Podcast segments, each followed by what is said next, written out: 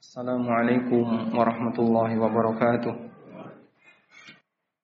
إن الحمد لله نحمده ونستعينه ونستغفره ونعوذ بالله من شرور أنفسنا وسيئات أعمالنا.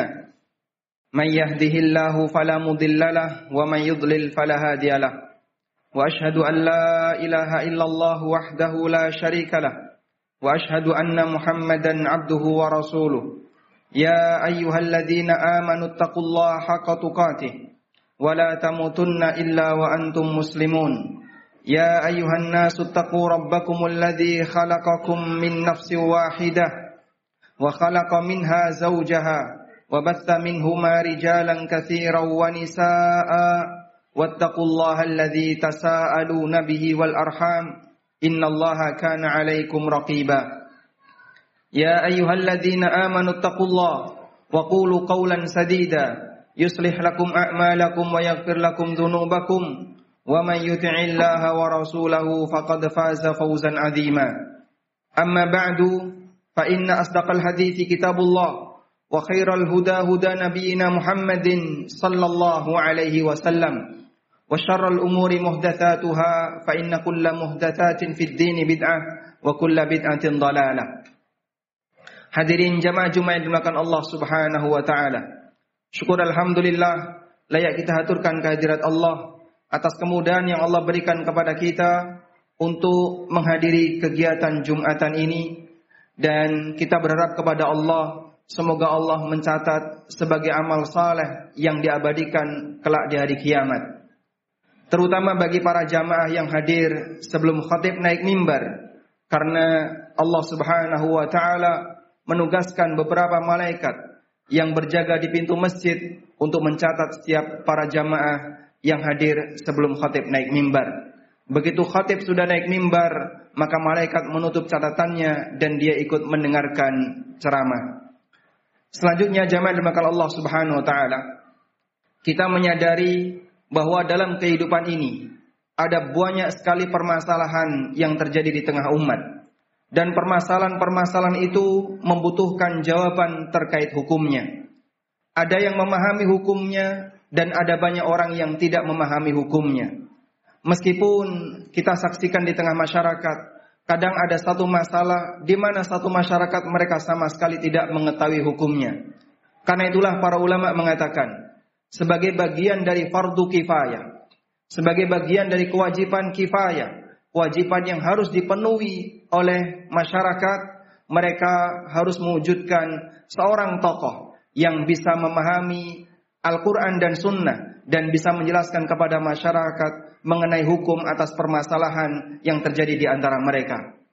Dalam sebuah buku yang berjudul Al-Mawsu'ah Al-Fiqhiyah Al-Kuwaitiyah atau yang diterjemahkan dengan ensiklopedia fikih dinyatakan walladzina dinullaha alaih annahu la budda ay yakuna fil ummati ulama'un ulama'u mutakhassisun.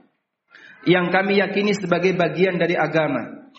Annahu la budda ay yakuna fil ummati ulama. Bahwa di tengah umat ini harus ada beberapa ulama. Mutakhassisuna yang mereka memiliki keahlian terhadap Al-Qur'an dan sunnah Nabi sallallahu alaihi wasallam. Wa mawatinil ijma' paham tentang apa yang disepakati oleh para ulama, wa fatawa sahabat dan fatwa para sahabat serta tabi'in, wa man jaa ba'dahum dan ulama-ulama yang datang setelahnya. Kenapa harus ada orang semacam ini? Karena mereka dibutuhkan untuk menjawab setiap permasalahan yang terjadi di sekitar kita. Allah mengajarkan hal ini dalam Al-Quran melalui firman-Nya di surat At-Taubah ayat 122. Wa ma kana al-mu'minuna liyanfiru kaffa.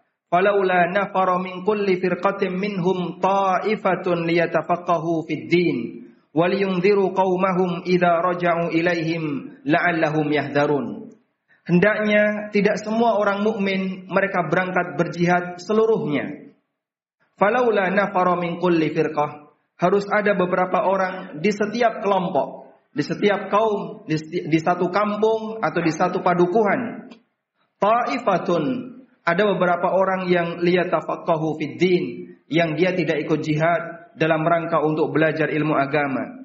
tujuannya adalah waliyunziru qaumahum idza raja'u ilaihim la'allahum yahdharun agar memberikan peringatan kepada masyarakatnya setelah mereka pulang dari jihad sehingga mereka bisa mengambil pelajaran. Hadirin bahkan Allah Subhanahu wa taala.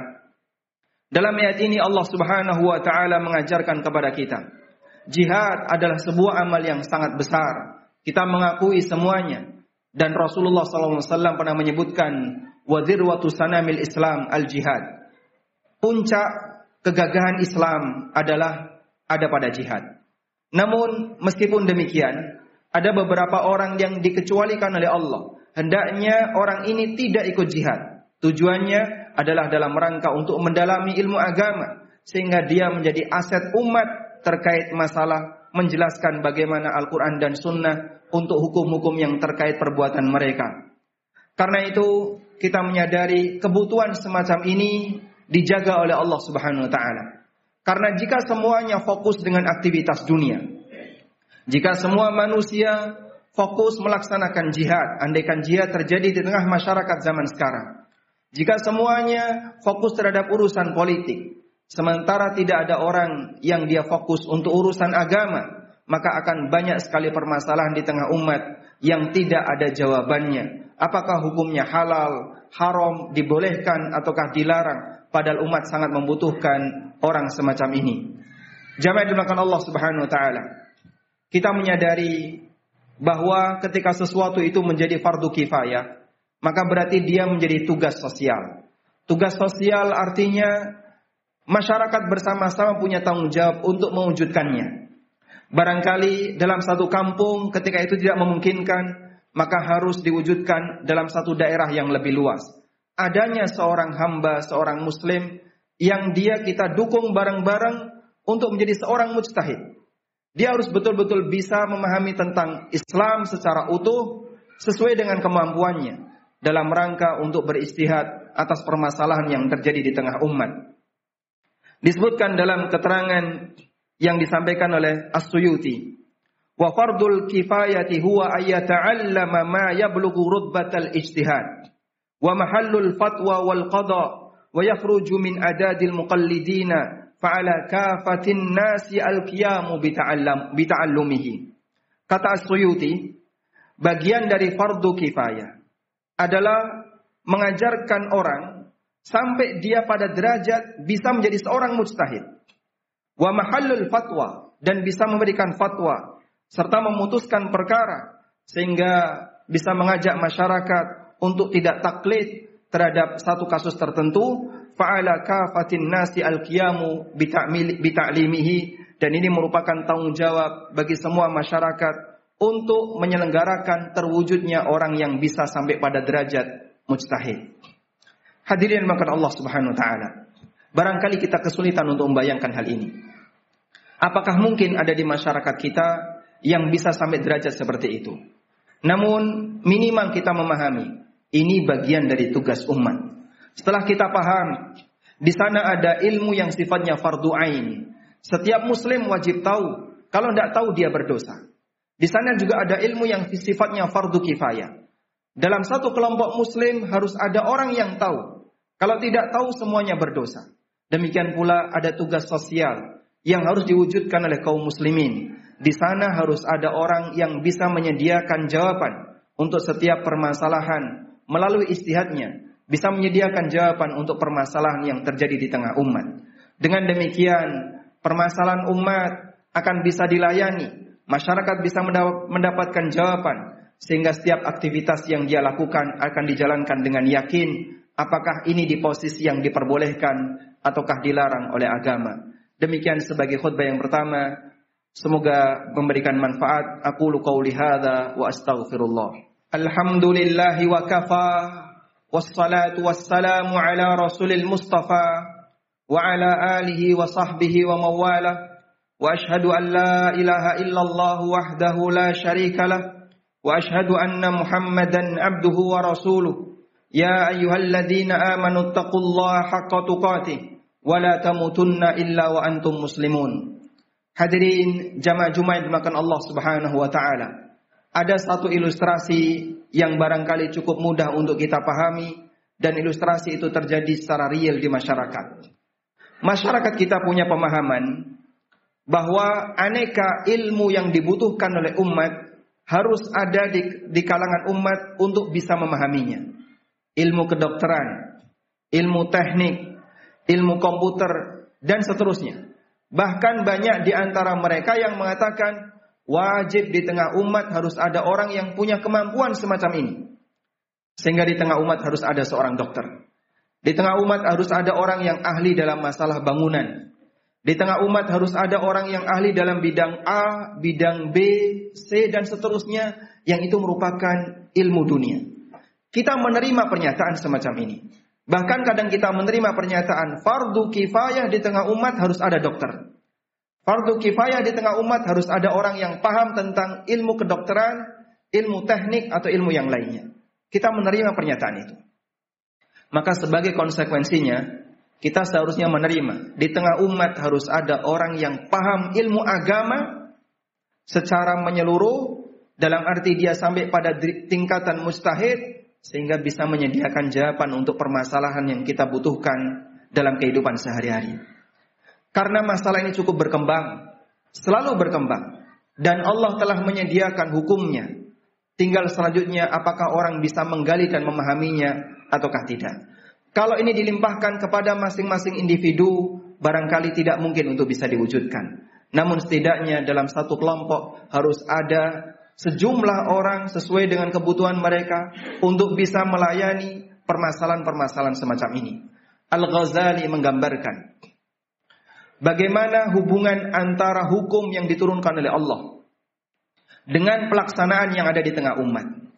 Beliau menyebutkan dalam kitabnya Al-Mustashfa kitab tentang usul fikih. Beliau menggambarkan pohon itu adalah sumber hukum. Buahnya adalah hukumnya. Orang yang memetik buah adalah seorang mustahid yang dia bisa memahami bagaimana cara memetik buah yang benar. Kemudian ketika buah itu disuguhkan kepada masyarakat, itu adalah penjelasan yang mereka sampaikan bagaimana hukum itu bisa diterapkan dalam kehidupan sehari-hari. Tidak semua orang punya keahlian dalam memetik buah. Maka tugas kita adalah mewujudkan siapa yang mampu untuk memetik buah itu. Allah telah sediakan pohonnya, Allah sediakan buahnya, tinggal selanjutnya adalah kita harus sediakan orang yang bisa memetik buah itu agar bisa menyuguhkan ke kita. Karena tidak semua orang bisa kemudian melakukannya. Inilah yang perlu kita pahami. Sebuah fardu kifayah. Yang barangkali perlu untuk kita pikirkan bersama mewujudkan seorang hamba yang dia punya keahlian dalam masalah ilmu agama sampai pada tingkatan menjadi seorang mujtahid sebagaimana kita memahami kita harus mewujudkan seorang dokter yang dia punya keahlian sehingga bisa melayani dalam masalah kesehatan umat. Semoga Allah Subhanahu wa taala menganugerahkan kepada kita seorang ulama yang kibar, yang paham tentang ilmu agama sehingga dengan itu kita bisa jadikan beliau sebagai rujukan untuk menjawab setiap permasalahan yang terjadi di, di tengah umat. Allahumma salli ala Muhammad wa ala ali Muhammad kama sallaita ala Ibrahim wa ala ali Ibrahim innaka Hamidum Majid. Allahumma ighfir lil mu'minina wal mu'minat wal muslimina wal muslimat al ahya'i minhum wal amwat innaka sami'un qaribun mujibu da'awat ya qadiyal hajat. Rabbana lana wal ikhwanina bil iman ولا تجعل في قلوبنا غلا للذين آمنوا. ربنا إنك رؤوف رحيم. اللهم إنا نسألك الهدى والتقى والعفاف والغنى. ربنا آتنا في الدنيا حسنة وفي الآخرة حسنة وقنا عذاب النار. وصلى الله على نبينا محمد وعلى آله وصحبه وسلم. وآخر دعوانا أن الحمد لله رب العالمين. وقوموا إلى صلاتكم.